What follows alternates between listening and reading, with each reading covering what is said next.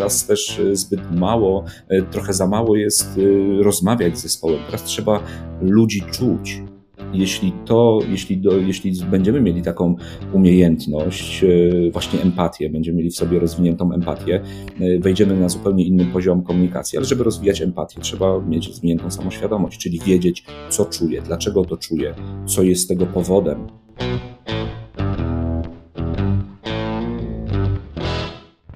Cześć, nazywam się Tomek Miller, a to jest podcast Kaizen Miracle. Małymi krokami od pomysłu do zysku. Jestem certyfikowanym ekspertem badań Master Person Analysis. Pozwalają one na wydobycie z zespołów i menadżerów najlepszych ich zasobów. Przy okazji uczę i szkolę, jak wykorzystywać małe zmiany do dynamicznego rozwoju firm. Uczę, jak aktywne słuchanie pomaga w pracy i w sprzedaży. Uczę też, jak budować efektywne zespoły. Ten podcast tworzę dla przedsiębiorców i tych, co chcą nimi zostać. Chcę, żebyś korzystając z zamieszczonych treści, małymi, średnimi lub wielkimi krokami, dużo szybciej niż dotychczas osiągał swoje cele biznesowe i prywatne. Słuchasz dalej? Serdecznie zapraszam.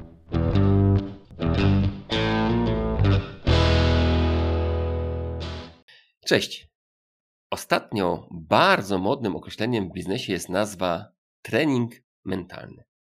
Ostatnio nawet grając w squasha mój sparring partner stwierdził, że formy nie ma, ale mental to ma wyśmienity. Co to jest ten mental?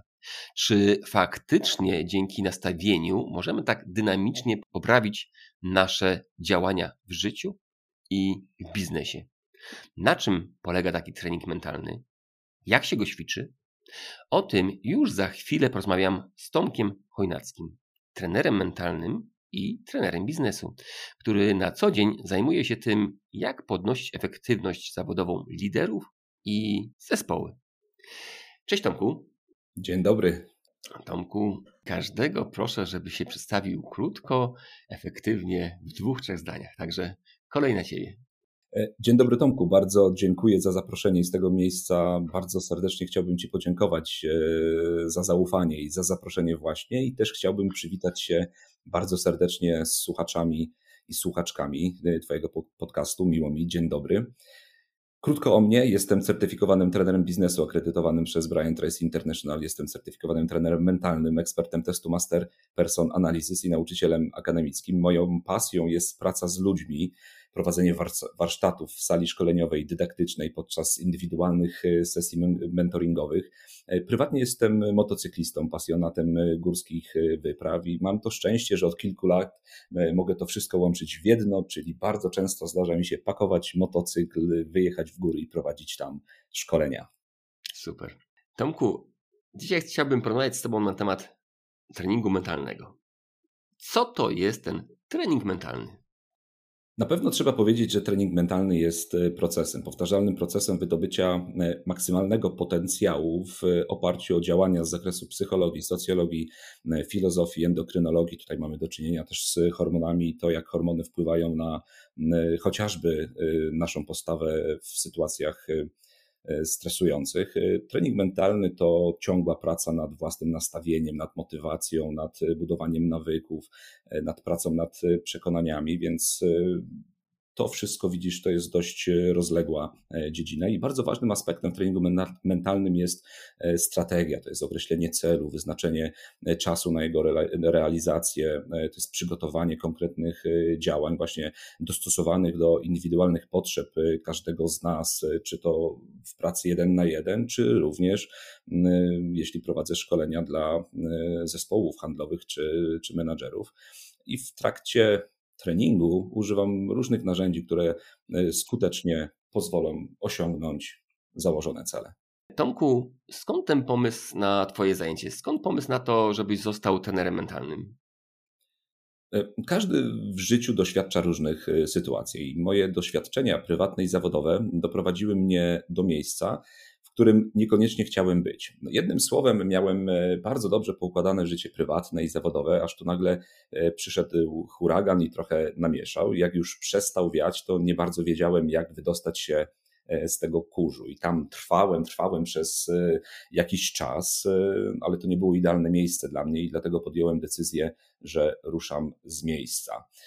Zacząłem szukać różnych rozwiązań, czytać książ, zacząłem czytać książki, zacząłem oglądać różne filmy dotyczące rozwoju osobistego, które mogłyby wesprzeć mój, moją siłę mentalną. Mm, i w którymś momencie trafiłem e, na Jakuba Bączka i Akademię Trenerów e, Mentalnych, i to był bardzo dobry e, krok, ponieważ roczny proces, który przeszedłem właśnie na Akademii, pozwolił przepracować moje rzeczy. Równolegle do tego z, dostałem do dyspozycji narzędzia, które wykorzystuję mm, w pracy ze swoimi klientami. No i tak to się zaczęło. Okej. Okay. Tomku, na rynku jest sporo narzędzi. Jest coaching, mentoring, no i teraz mm, coraz popularniejszy jest ten trening mentalny. Czym to się różni od tych dwóch pozostałych narzędzi?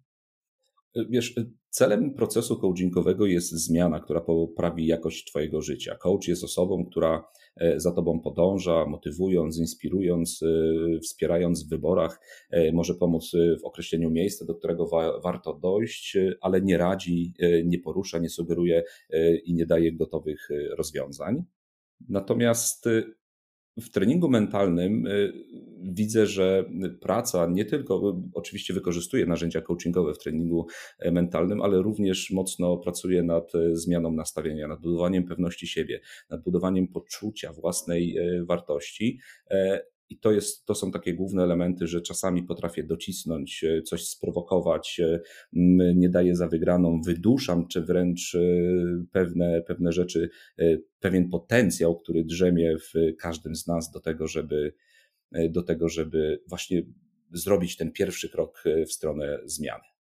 Czyli rozumiem taką, tym bakcylem, mm, tym pierwiastkiem, który wyróżnia, to jest takie budowanie pewności siebie, tak? Y, to jest bardzo ważny element, z którym y, wielu z nas się boryka, ponieważ y, każdy ma swoją definicję pewności siebie mhm. E, i dla każdego z nas ta definicja pewności siebie jest różna. Natomiast trzeba też zwrócić uwagę na to, że jest bardzo cienka granica między e, pewnością siebie a arogancją, albo pewnością siebie i uległością. Tutaj e, bardzo mocno wchodzimy w obszar asertywności, która jest bardzo dużym komponentem pewności siebie, więc pewność siebie to z pewnością jeden z ważniejszych elementów elementów e, wzmacniania, wzmacniania siły mentalnej. Okej. Okay. Tomku, co daje taki trening mentalny? Rozumiem, że po takim treningu ktoś jest mocniejszy psychicznie, czyli tak jak powiedziałeś, pewniejszy siebie, ale mm, nie arogancki i nieuległy, tak? Co jeszcze? E, mówiłeś tam o asertywności. Co jeszcze ten trening mentalny mnie jako Tomkowi Millerowi może mi dać? E, z pewnością może wzbudzić, e, wzmocnić w tobie odwagę do działania, bo odwaga w działaniu jest e, również komponentem pewności siebie, budowania poczucia własnej wartości. Z pewnością pomoże ci zrozumieć, skąd się biorą twoje źródła pewności siebie, gdzie są umiejscowione, czy, ze, czy wewnątrz, czy na zewnątrz, skąd się wzięły twoje przekonania, które kierują też twoimi wyborami. Z pewnością pomoże ci odnaleźć twoje mocne strony zdiagnozować pewne rezerwy czy obszary, które wymagałyby poprawy. Okej. Okay.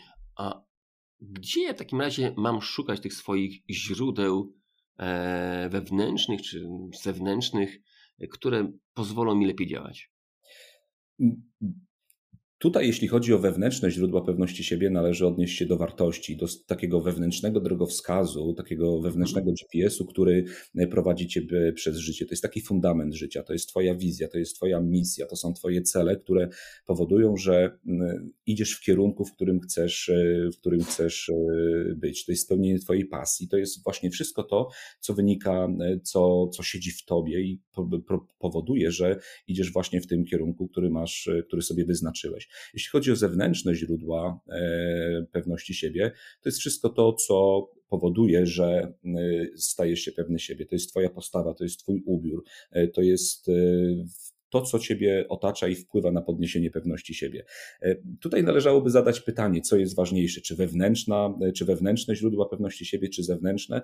Otóż uważam, że jedne i drugie są potrzebne, ponieważ to, co jest w nas, kieruje nas właśnie na tą drogę, pomaga nam nią, przez nią przejść. Natomiast zewnętrzne źródła, takie jak na przykład uznanie albo wszystko to, co pomaga nam zbudować pewność siebie, towarzyszą temu, więc to trzeba dobrze wypośrodkować i zrozumieć, skąd biorą się źródła, skąd bierze się nasza mhm. pewność siebie. Mhm. E, wiesz co, tak mnie zaciekawiłeś, bo mówiłeś o wewnętrznej i zewnętrznej pewności siebie. Ja mam wrażenie, że zawsze najważniejsza jest ta wewnętrzna. Czy ta zewnętrzna pewność siebie, jak mówiłeś, właśnie to uznanie innych, też wpływa na nas? Czy powinniśmy też tam szukać uznania, czy jednak w sobie? Jak, to, jak ty to widzisz? Słuchaj, każdy z nas y, bardzo dobrze reaguje na pochwałę, bardzo dobrze reaguje na docenienie, uznanie, prawda? Więc coś, co y, możemy dostać z zewnątrz od drugiej osoby, y, chociażby w postaci dobrego słowa, będzie nas motywowało i pokaże, że to, co robimy, jest, ma sens, jest fajne jeśli chodzi na przykład o takie prozaiczne, e, prozaiczną rzecz jak ubiór, prawda? Wyobraź sobie, nie wiem, szkoleniowca, który przychodzi na salę szkoleniową e, w dresie albo idzie w dresie na rozmowę rekrutacyjną. E, po pierwsze, to źle wygląda, po drugie, być może wpływać to w jakiś sposób na właśnie na pewność siebie w, danej, w danych okolicznościach, bo to oczywiście też trzeba odnieść do sytuacji, które z którymi mhm. mamy do, do czynienia. Ja sobie nie wyobrażam, żeby y, przyjść w t-shircie i, i jeansach y, na szkolenie. Raczej to jest koszula, raczej to są spodnie, to jest kamizelka czy marynarka. Dzięki temu też czuję się, czuję się inaczej. I to pochodzi z zewnątrz, bo to właśnie wpływa na mój, na mój ubiór. Przywiązuję do tego wagę, natomiast nie jest to coś, co nie jest to coś, co jest dla mnie ogromnym wyznacznikiem, bo nie jest tak, że co miesiąc kupuję sobie nowy zegarek, żeby wzmocnić swoją pewność pewność siebie. Mhm. Tomku, mm, kiedy trening mentalny pomaga? Bo rozmawialiśmy tu jeszcze mm, wcześniej. Rozmawialiśmy o naszych skoczkach, o naszych sportowcach. Dla mnie trening mentalny dzisiaj kojarzy się właśnie po pierwsze ze, ze sportowcami, ale z tego, co, co, jak ty mówisz, to też jest to wartość w biznesie. Ale yy, no, dzięki treningu mentalnemu nasi zdobyli pierwsze mistrzostwo świata, czyli ostatnie jako siatkarze. Kuba Bączyk im tam pomagał. Wiem, że też pomaga naszym skoczkom. Teraz mają kłopot. Na pewno mają trening mentalny, ale mają kłopot, nie mają sukcesów. Kiedy ten trening mentalny faktycznie pomaga, a kiedy no nie pomaga tak, jak powinien? Jak to jest? Wiesz, nie jestem ekspertem od y, siatkówki ani od skoków narciarskich, mhm. natomiast mogę, mogę powiedzieć z swojego doświadczenia, że y, trening mentalny y, pomaga w momencie, kiedy jesteś na najwyższym poziomie, gdzie praktycznie sposób przygotowania, sprzęt, którym dysponujesz i umiejętności, które masz, są na najwyższym poziomie.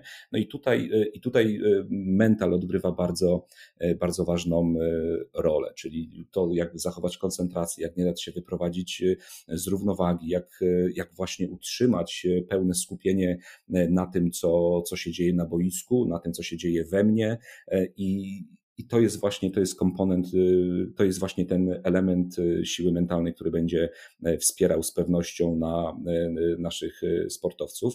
To samo dzieje się w biznesie, w biznesie, gdzie mhm. tym elementem, powiedzmy sobie, element pewności siebie determinuje na przykład kontakt z przełożonym, kontakt z zespołem, na przykład jako menadżer, lub kontakt z klientem, tak? Więc mhm. to, są, to są takie elementy, które z pewnością ten, ta siła mentalna będzie właśnie w ten sposób wspierać. Okej, okay. Tomku, to może wróćmy do tego, albo przejdźmy do biznesu. Jak trening mentalny pomaga w biznesie?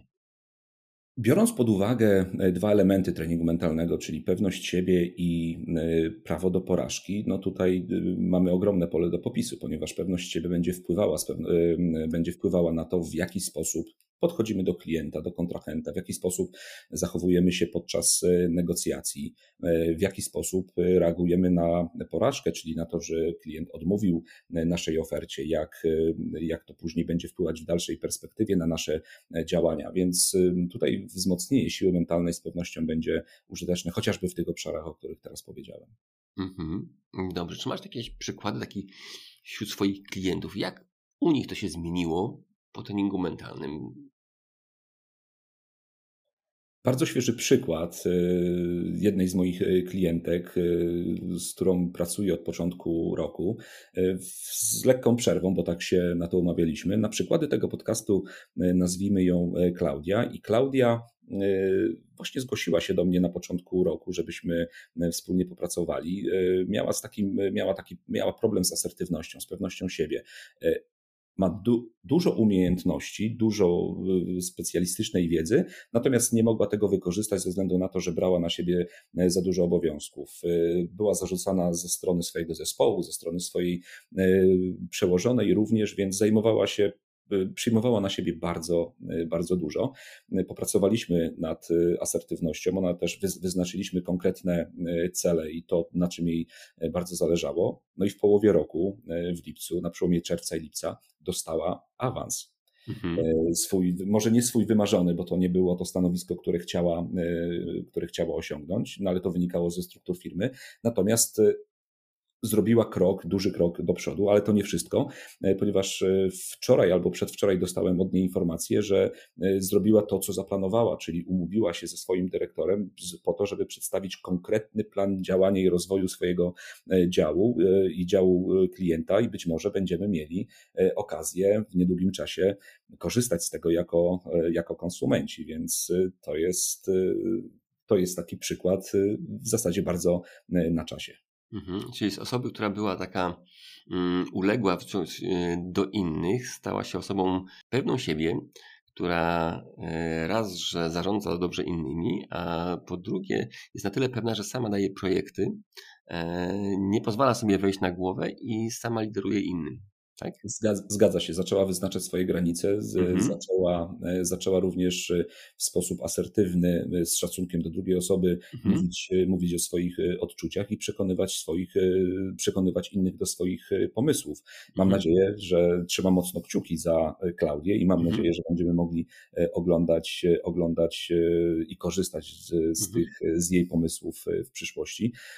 Przychodzi mi też do głowy historia pewnego artysty, twórcy kabaretowego, który miał mhm. problem e, z niską samą, e, samooceną. E, właśnie też był, miał duży lęk przed oceną innych, co powiedzą inni, jak to odbiorą widzowie, jak to, jak to będzie na niego wpływać. No i dodam, że też ten artysta ma ogromny talent i po kilku spotkaniach intensywnej pracy możemy go oglądać z powrotem na dużych scenach kabaretowych, kabaretowych czy w ogólnopolskich stacjach telewizyjnych. Jest to niesamowite to, co mówisz, bo e, oglądając jakiekolwiek przedstawienia kabaretowe, wydaje mi się, że ci kabareciarze to tę pewność siebie mają olbrzymią. Okazuje się, że tam pod tą pierzyną to różnie może bywać, nie? E, zdziwili, zdziwiłbyś się Tomaszu, z pewnością też zdziwiliby się nasi, nasi słuchacze, z czym borykają się ludzie, którzy są, e, którzy są właśnie narażeni, nastawieni, e, narażeni, wystawieni na ekspozycję społeczną. Wystąpienia publiczne bardzo są takim elementem, który powodują bardzo duży lęk i bardzo duży stres, więc mhm. z tym trzeba, z tym sobie trzeba naprawdę dobrze poradzić. A trening mentalny i narzędzia, które mam do dyspozycji, pomagają w tym bardzo dobrze. Mhm. E, Tomku, powiedziałeś tutaj o jednym takim elemencie, że e, trening mentalny pomaga wtedy, kiedy jesteśmy na wysokiej pozycji i pomaga nam osiągnąć pewną przewagę. A w tak. drugą stronę, gdy jesteśmy dość nisko, gdy nam się coś nie udaje od dłuższego czasu, e, jak wtedy pracować nad sobą i jak wtedy wydobyć się z tej czarnej dziury, że tak powiem. Bo mm, jestem przekonany, że nie ma osób bez porażek, nie ma osób, które w takiej czarnej dziurze nie były albo nie są. Interesuje mnie, jak z tej czarnej dziury wychodzić. Przede wszystkim, jeśli już e, jesteś i wiesz, że jesteś w, ciar, w czarnej dziurze, e, to warto podjąć decyzję o tym, żeby zrobić krok do przodu.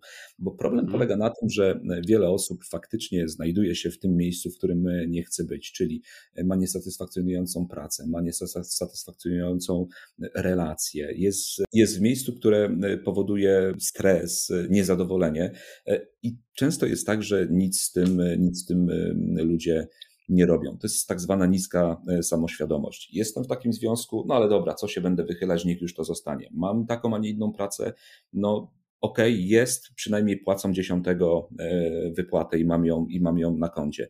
Więc e, właśnie ta samoświadomość, jestem w tym miejscu, w którym jestem, plus do tego dochodzi podjęcie decyzji, chcę zrobić krok do przodu, no to w, to, jest właśnie, to jest właśnie moment, który, w którym podejmujemy właśnie decyzję o tym, że chcę coś e, zmienić. I tutaj mamy do czynienia z całym wachlarzem narzędzi, które mogą nam właśnie pomóc wydostać się e, z tej czarnej dziury.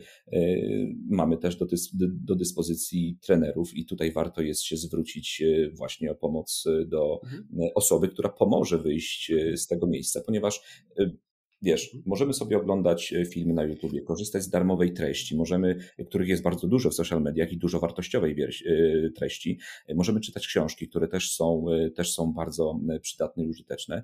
Natomiast samo to może w którymś momencie być za mało, bo samo przeczytanie książki czy obejrzenie filmu, który już przekaże gotową strategię do działania, e, może być niewystarczające. Trzeba zrobić ten krok do przodu. I tutaj problem pojawia się właśnie ze zrobieniem tego pierwszego kroku. Trener może e, być taką osobą, która będzie robił ten krok, e, krok po kroku razem z osobą, która już podjęła decyzję na mhm. temat działania. Mhm. Kiedyś mój syn przyniósł taką, taki mm, komiks ze szkoły, który mi się bardzo podobał. Gdy jesteś w dziurze, po pierwsze, przestań kopać dalej. Pierwszy etap, żeby przestać się użalać nad sobą, przestać myśleć, ale zacząć działać. I mm, drugim krokiem właśnie może być znalezienie trenera, tak jak ty mówisz. Bo ten trener dużo bardziej cię przypilnuje, dużo więcej pokaże ci większą perspektywę do tego, w jakim miejscu jesteś i co możesz zrobić i dokładnie przypilnuje cię w tym, żebyś szedł tą drogą, którą sobie wyznaczysz. Bardzo, to... dobrze, bardzo dobrze, Tomku, że odniosłeś się właśnie do tej metafory dziury i kopania, i kopania e, głębszego mhm. dołu, bo właśnie mm, Przykro to powiedzieć, e, natomiast wiele osób, właśnie będąc w tym miejscu, w którym, w którym jest, i to niekoniecznie jest to, niekoniecznie jest to wymarzone miejsce, właśnie pogłębia swój stan, swoim nastawieniem, swoimi myślami. A jeśli myślisz, myślisz, masz złe nastawienie, no to tak naprawdę przyciągasz do siebie rzeczy, które, które jeszcze pogłębiają twój stan i, i dochodzi do tak zwanej samospełniającej się przypowiedni, czyli jest mi źle, ja już nic sobie z tym nie mogę zrobić, no i faktycznie nic z tym nie robisz. Tomku, to takie trudne pytanie. Co zrobić, żeby myśleć pozytywnie? Wiesz, jest różnica między pozytywnym myśleniem a pozytywnym nastawieniem. Kiedyś pisałem taki artykuł e, na blogu, właśnie pozytywne myślenie, hit czy kit. E, pozytywne myślenie okej, okay. w, w, kręgach amerykańskich, gdzie jest ta motywacja y, bardzo y, nadmuchana, taka, y, taka wręcz wyeksponowana, myśl pozytywnie, you can do it, dasz radę, wszystko możesz mhm. osiągnąć, wiesz, to nie zawsze będzie działać. Absolutnie. To, to, to zadziała wtedy, kiedy faktycznie jesteś silny, kiedy wiesz, co chcesz zrobić i tak możesz się wspierać. Natomiast nastawienie jest zupełnie czymś innym.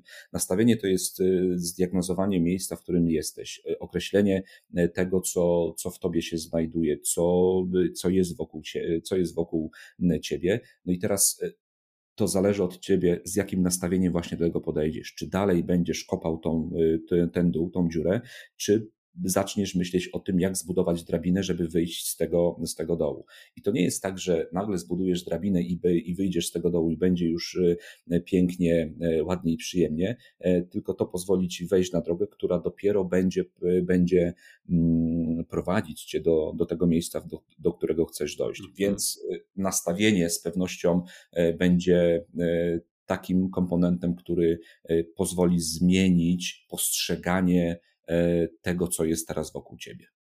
Tomku, to kolejne pytanie.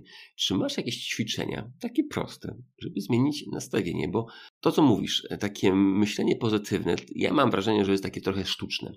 Nie mówię, że to nie jest złe, ale w naszej mentalności polskiej myślę, że sporo osób ma z tym kłopot, żeby mówić: O, ja jestem wspaniały, ja jestem James Bond, ja jestem Cindy Crawford, jestem piękna i cudowna. Patrzysz w lustro, a widzisz kogoś innego.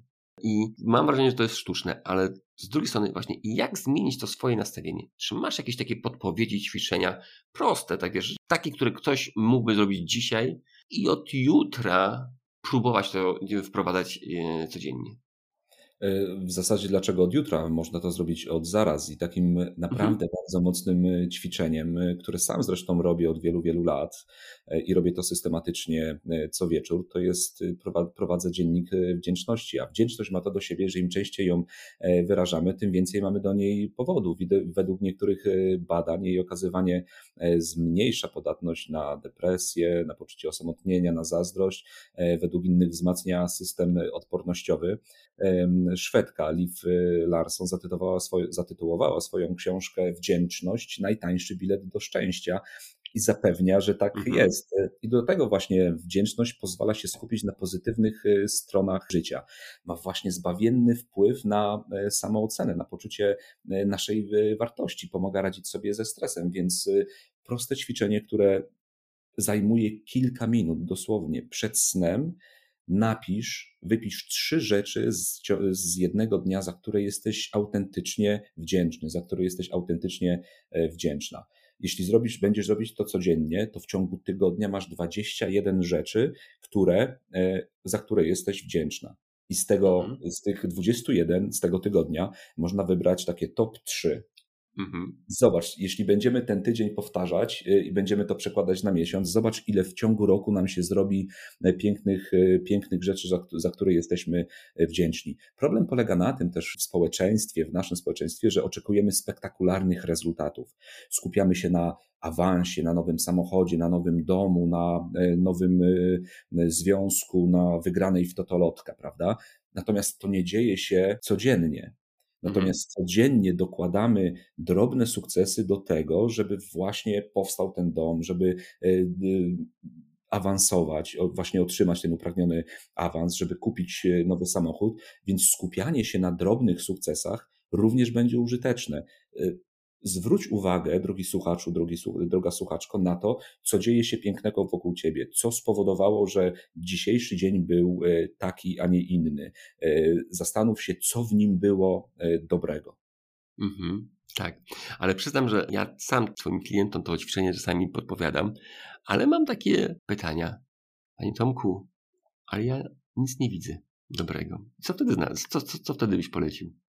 A ja widzę wiele dobrych rzeczy. E, widzę szklankę wody, która przede mną stoi. Cieszę się, że jest szklanka i cieszę się, że mam w niej wodę. Cieszę się, że dzisiaj mogę z Tobą porozmawiać i podzielić się wartością e, odnośnie treningu mentalnego i wzmacniania siły mentalnej. Cieszę się, że wstałem rano e, i mój stan, że tak powiem, fizyczny, zdrowotny się poprawia, bo, bo wiesz, że, że kilka dni temu było, było gorzej. Więc tych rzeczy naprawdę jest wokół nas dużo dużo, mhm. to trzeba, trzeba zmienić właśnie nastawienie na postrzeganie tych, y, tych rzeczy.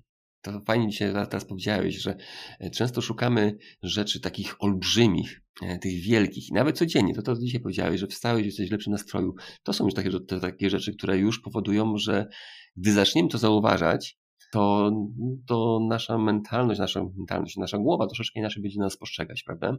Ale powiem Tobie, Tomek, że teraz, no. jak mówimy o wdzięczności, poprosiłeś mnie o tym, no. Y, właśnie o to, żebym powiedział y, o, o, tych kilku rzeczach. Wiesz, ja poczułem, jak się zmienił, jak, jak, jak się zmieniło moje, jak się zmienił, y, zmieniło moje odczuwanie w organizmie mhm. wewnątrz, wewnątrz mnie. Po prostu zaraz uśmiech mocno uwydatnił się na twarzy. No, mhm. bardzo tak. mocny. Polecam Wam, tak. słuchacze, to, to ćwiczenie. Dobrze. Czy to teraz przejdźmy do biznesu, bo rozumiem, że mm, takie ćwiczenia w biznesie też działają? Oczywiście, dlatego że wiesz, wzmacnianie siły mentalnej, chociażby właśnie w budowaniu pewności siebie, czyli w, w odnajdywaniu tych małych sukcesów, które wpływają na to, że dostałeś, czy za chwilę dostaniesz awans, albo masz predyspozycję do tego, żeby, żeby go otrzymać, albo chociażby w takich obszarach jak porażka, czyli dlaczego te negocjacje nie wyszły, dlaczego ten klient mi odmówił. Przepracowanie, przeanalizowanie sobie takiej takiej, sytuacji pozwala zmienić strategię działania na e, kolejny, e, podczas kolejnych e, spotkań. A często jest tak, że w zespołach handlowych bardzo często to obserwuję, że jest tak zwany, pojawia się tak zwany lęk przed odrzuceniem, czyli nie pójdę do klienta z nową ofertą, nie zadzwonię do klienta po to, żeby przedstawić mu moje rozwiązanie, bo co będzie, jak on mi, jak on mi odmówi. Problem polega na tym, że osoba, do której się zwracasz z prośbą albo z przedstawieniem oferty, ona odmawia tej oferty, a nie tobie jako osobie, czyli nie odrzuca ciebie, tylko odrzuca ofertę. Warto też mieć to na uwadze. Warto również w kontekście porażki przeanalizować, co się stało, że klient zdecydował się na ofertę mm, konkurencji, a nie na moją nie rozdrapywać y, ran i nie przerzucać odpowiedzialności na klienta na zasadzie, y, ale to zły człowiek, w cudzysłowie oczywiście, bo nie skorzystał z mojej, z mojej oferty, teraz już do niego nie będę dzwonić, y, obrażam się na niego, tylko raczej podejść do tego, co mogę zrobić, żeby następnym razem on faktycznie skorzystał, czego zabrakło, przeanalizować całą sytuację, wyciągnąć wnioski i zmienić strategię. Często do porażki podchodzimy na zasadzie, OK, była porażka, no to już przestaje działać w tym obszarze, albo nie zmieniam swojego działania i tej porażki cały czas y, doznaję, prawda? A mhm. tutaj ona pozwala nam na, ona pozwala nam na wyciągnięcie y, fajnych wniosków i przeanalizowanie y, całych działań. E, tak, to jest element, który, dla którego warto wynająć coacha czy bądź trenera mentalnego, bo często te porażki siedzą w nas i my nie widzimy, że coś się z nich, z nich uczymy ta osoba z boku właśnie może ci pokazać, że ta porażka to jest po prostu nauką. Nauką, którą możesz e, wyciągnąć e, i dzięki temu w kolejnym spotkaniu czy z klientem możesz to zrobić zupełnie inaczej, sprawniej i efektywniej. No oczywiście. Tomku, jak jeszcze ten trening mentalny wpływa na biznes? Mówiłeś tutaj o nastawieniu, o samoświadomości. Właśnie, jak z tą samoświadomością jest, bo jak ją budować, żeby, żeby być skuteczniejszym? Żyć świadomie to znaczy uświadamiać sobie to, na co mamy wpływ, na co mają wpływ nasze wartości, jak cele, e, jak możemy realizować cele, jak postępować e, właśnie adekwatnie do tego wszystkiego, e, o czym, o czym wiemy. Więc samoświadomość w kontekście zarządzania na przykład zespołem pozwoli na zdecydowanie lepszą komunikację, na zrozumienie odczuć zespołu. Doskonale wiesz, Tomku, że teraz już nie wystarczy mówić do zespołu. Teraz też zbyt mało, trochę za mało jest rozmawiać zespołem. Teraz trzeba ludzi czuć. Jeśli to, jeśli, do, jeśli będziemy mieli taką umiejętność, e, właśnie empatię, będziemy mieli w sobie rozwiniętą empatię, e, wejdziemy na zupełnie inny poziom komunikacji, ale żeby rozwijać empatię, trzeba mieć rozwiniętą samoświadomość, czyli wiedzieć, co czuję, dlaczego to czuję, co jest tego powodem. Mhm. Okej.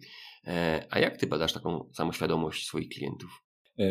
Badam to na y, dwa sposoby. Y, pierwszy, bardzo precyzyjny, to jest test Master Person Analysis. To jest test, który, y, który bada dziewięć głównych cech w trzech obszarach i to jest pierwszy obszar to jest siła ego i tam są badane cechy orientacja na rezultat, samouznanie i energia w działaniu. Drugi obszar to są czynniki społeczne, czyli właśnie kontrola emocji, o których rozmawialiśmy wcześniej w kontekście samoświadomości, kontakty, kontakty społeczne i zaufanie.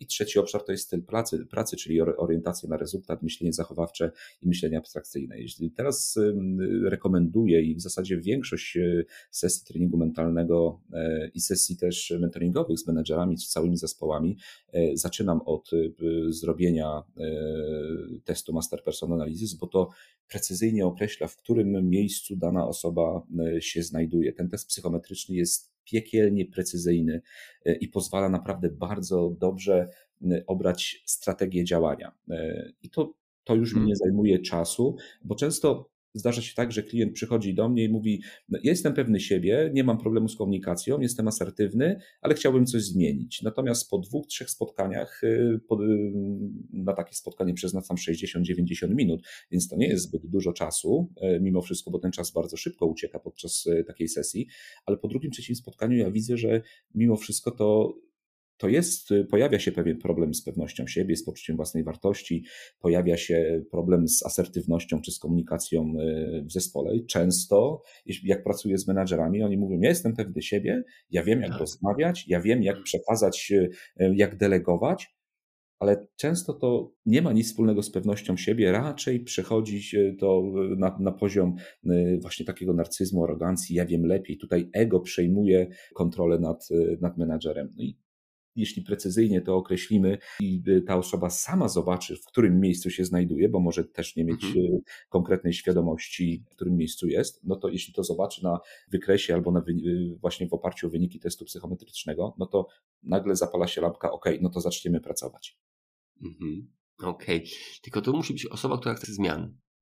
A sporo menadżerów uważa, że mają 30 lat zarządzania zespołem, stworzyli firmy, po co mają jeszcze testować, badać się? Po jakiego grzyba im to potrzeba, skoro są już skuteczni?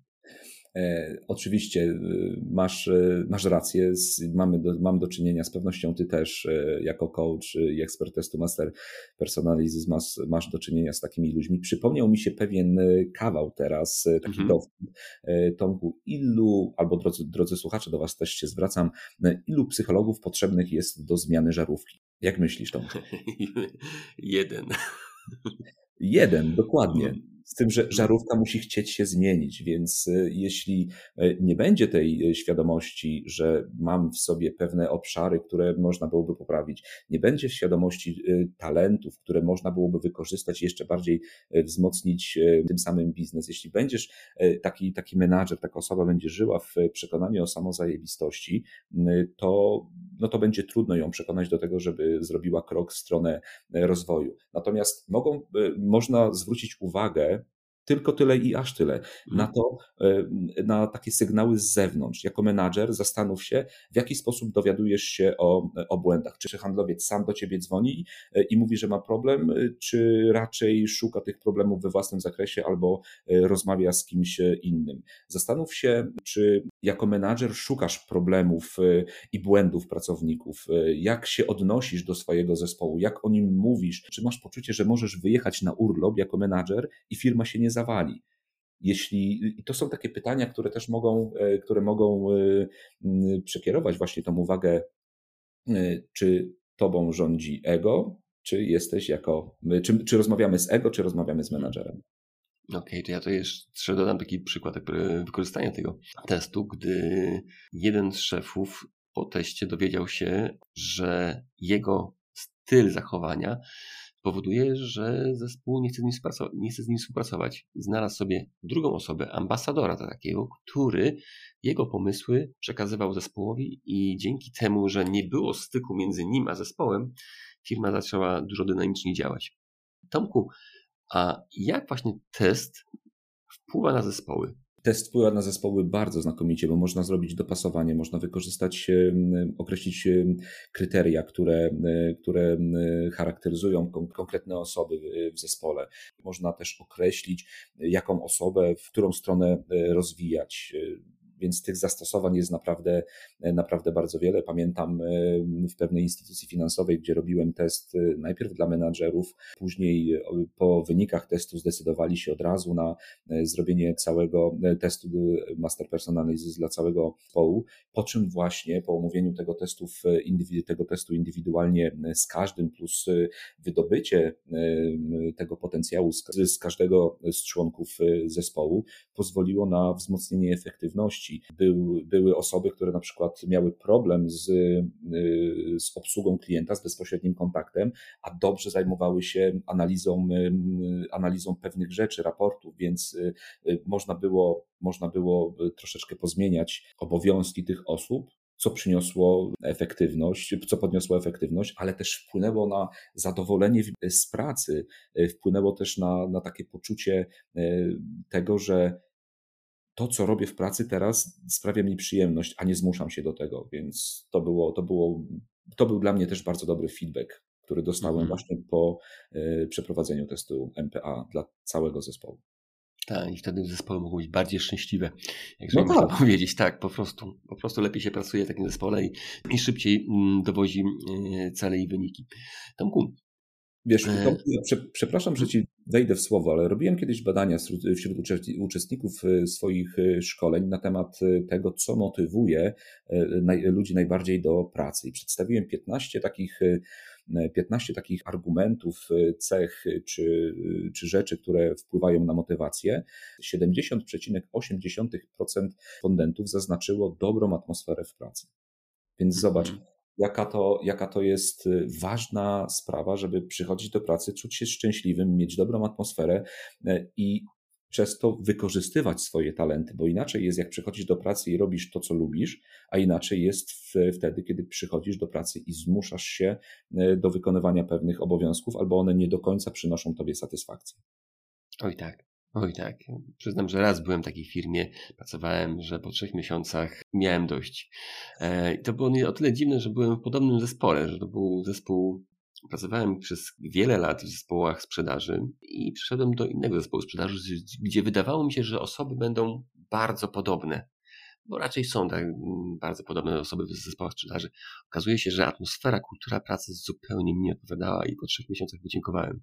I super, ty miałeś możliwość podziękować i byłeś świadomy tego, że to tobie nie odpowiada, natomiast wielu ludzi nie ma odwagi w sobie do tego, żeby, żeby podjąć, podjąć decyzję e, o, zmianę, e, mhm. o zmianie. Chodzą do tej pracy, zmuszają się, nie sprawia im to satysfakcji, a biorąc pod uwagę, że pracujemy 8 godzin dziennie to, to i po, poświęcamy na to e, praktycznie jedną trzecią naszej doby, oczywiście w idealnym świecie, bo przecież jest jeszcze dojazd, jest, jest, jest jeszcze powrót, no to w pracy spędzamy dużą część dnia, co, co mhm. nam podaje w perspektywie życia. Ponad jedną trzecią życia spędzamy w pracy, więc dlaczego e, pracować w miejscu, którym nam, w którym nie wykorzystujemy swoich talentów, nie spełniamy siebie jako, jako, jako ludzi, prawda? Mhm. No tak, to jest wyzwanie chyba dla wielu osób, żeby znaleźć miejsce, które jest bliskie im. Ale tak mi ostatnio miałem właśnie taką rozmowę, to dodam już takie, że osoba wiedziała, co chce zmienić. Nie wiedziała co bo miała jakieś trzy aspekty i wszystko ją hamowało, nie? I, i wiele osób, um, mam wrażenie, że szuka um, tego złotego grala, który będzie pasować, ale zapytałem w drugą stronę, czy wie, które z tych trzy rzeczy, bo już miała te trzy rzeczy, ale czy wie, które z tych trzy rzeczy przyniosą jej zyski?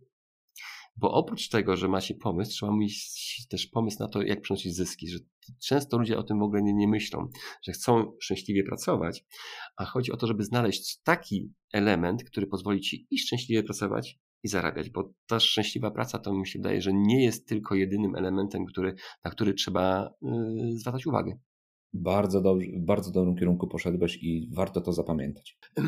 Tomku, yy, mówiliśmy tutaj o tym treningu mentalnym. Trzymasz takie liczby, cyfry, jak taki trening mentalny procentowo, czy jakoś liczbowo wpływa na efektywność lidera?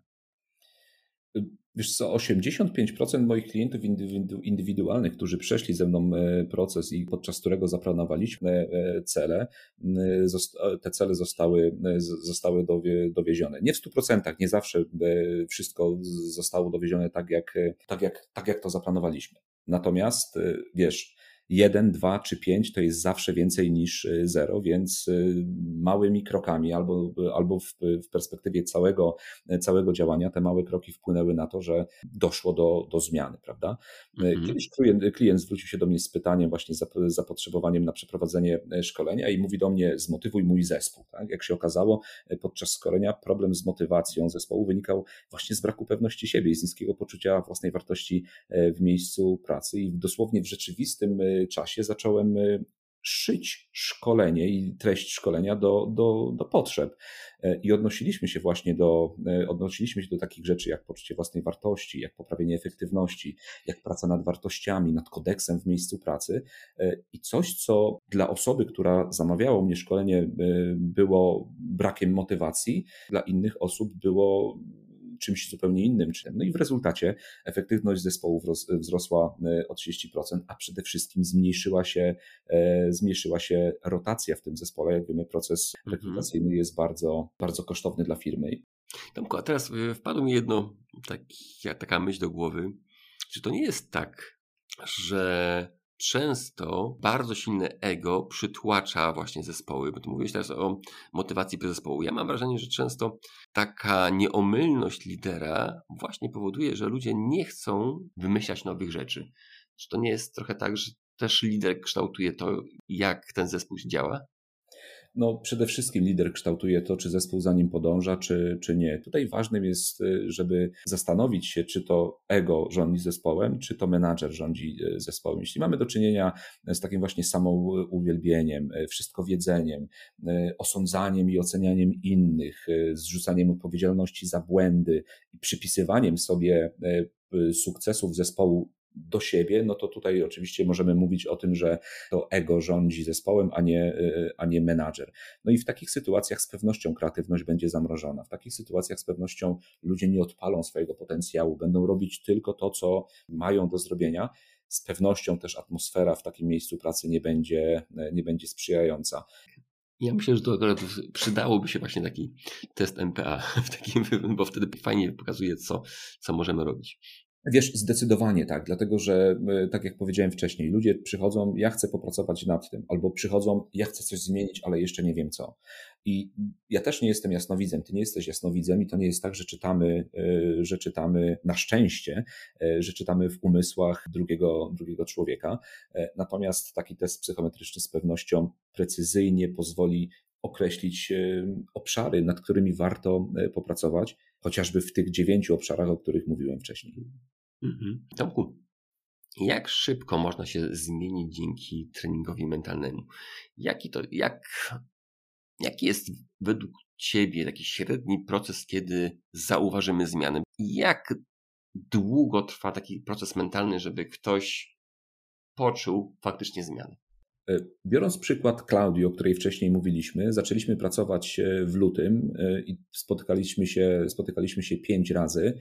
E, a w lipcu e, Klaudia otrzymała upragniony e, awans. Więc to w przypadku Klaudii trwało od lutego, kiedy zaczęliśmy pracę, do, miesiące.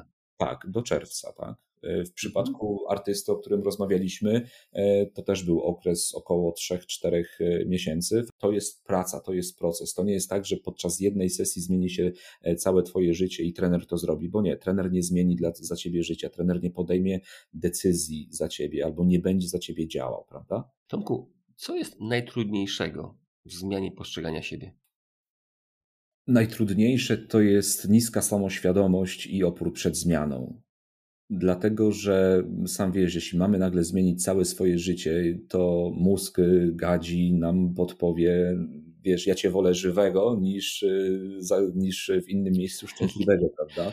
E, to o, czym, tak, to, tak. O czym, to, o czym rozmawialiśmy, e, więc z pewnością nie będzie nas e, prowokował do, do zmian i tutaj przyjdzie nam z pewnością pomocą filozofia Kaizen, metoda małych kroków, której jestem fanem i cieszę się, że Twój podcast jest tak również zatytułowany, bo metoda małych kroków pozwoli nam na właśnie pokonanie tego oporu przed zmianą. Lepiej jedną rzecz w ciągu 10 dni e, niż 10 rzeczy w ciągu jednego dnia i 9 dni mieć wolnego, dlatego że e, mózg, jeśli nie poczuje, że to, co robimy, drastycznie wpływa na zmianę naszego nastawienia, no wtedy nie będzie stawiał oporu. Więc taka drobna, drobne kroki z pewnością będą e, pomagać e, w pokonaniu tego oporu. No i oczywiście zyskanie e, świadomości również będzie, będzie szczególnie użyteczne, no bo to pokaże, w którym miejscu jesteś, jakie masz rezerwy, obszary do poprawy. To też pokaże, jakie masz talenty i co można z nimi zrobić i jak je wykorzystać.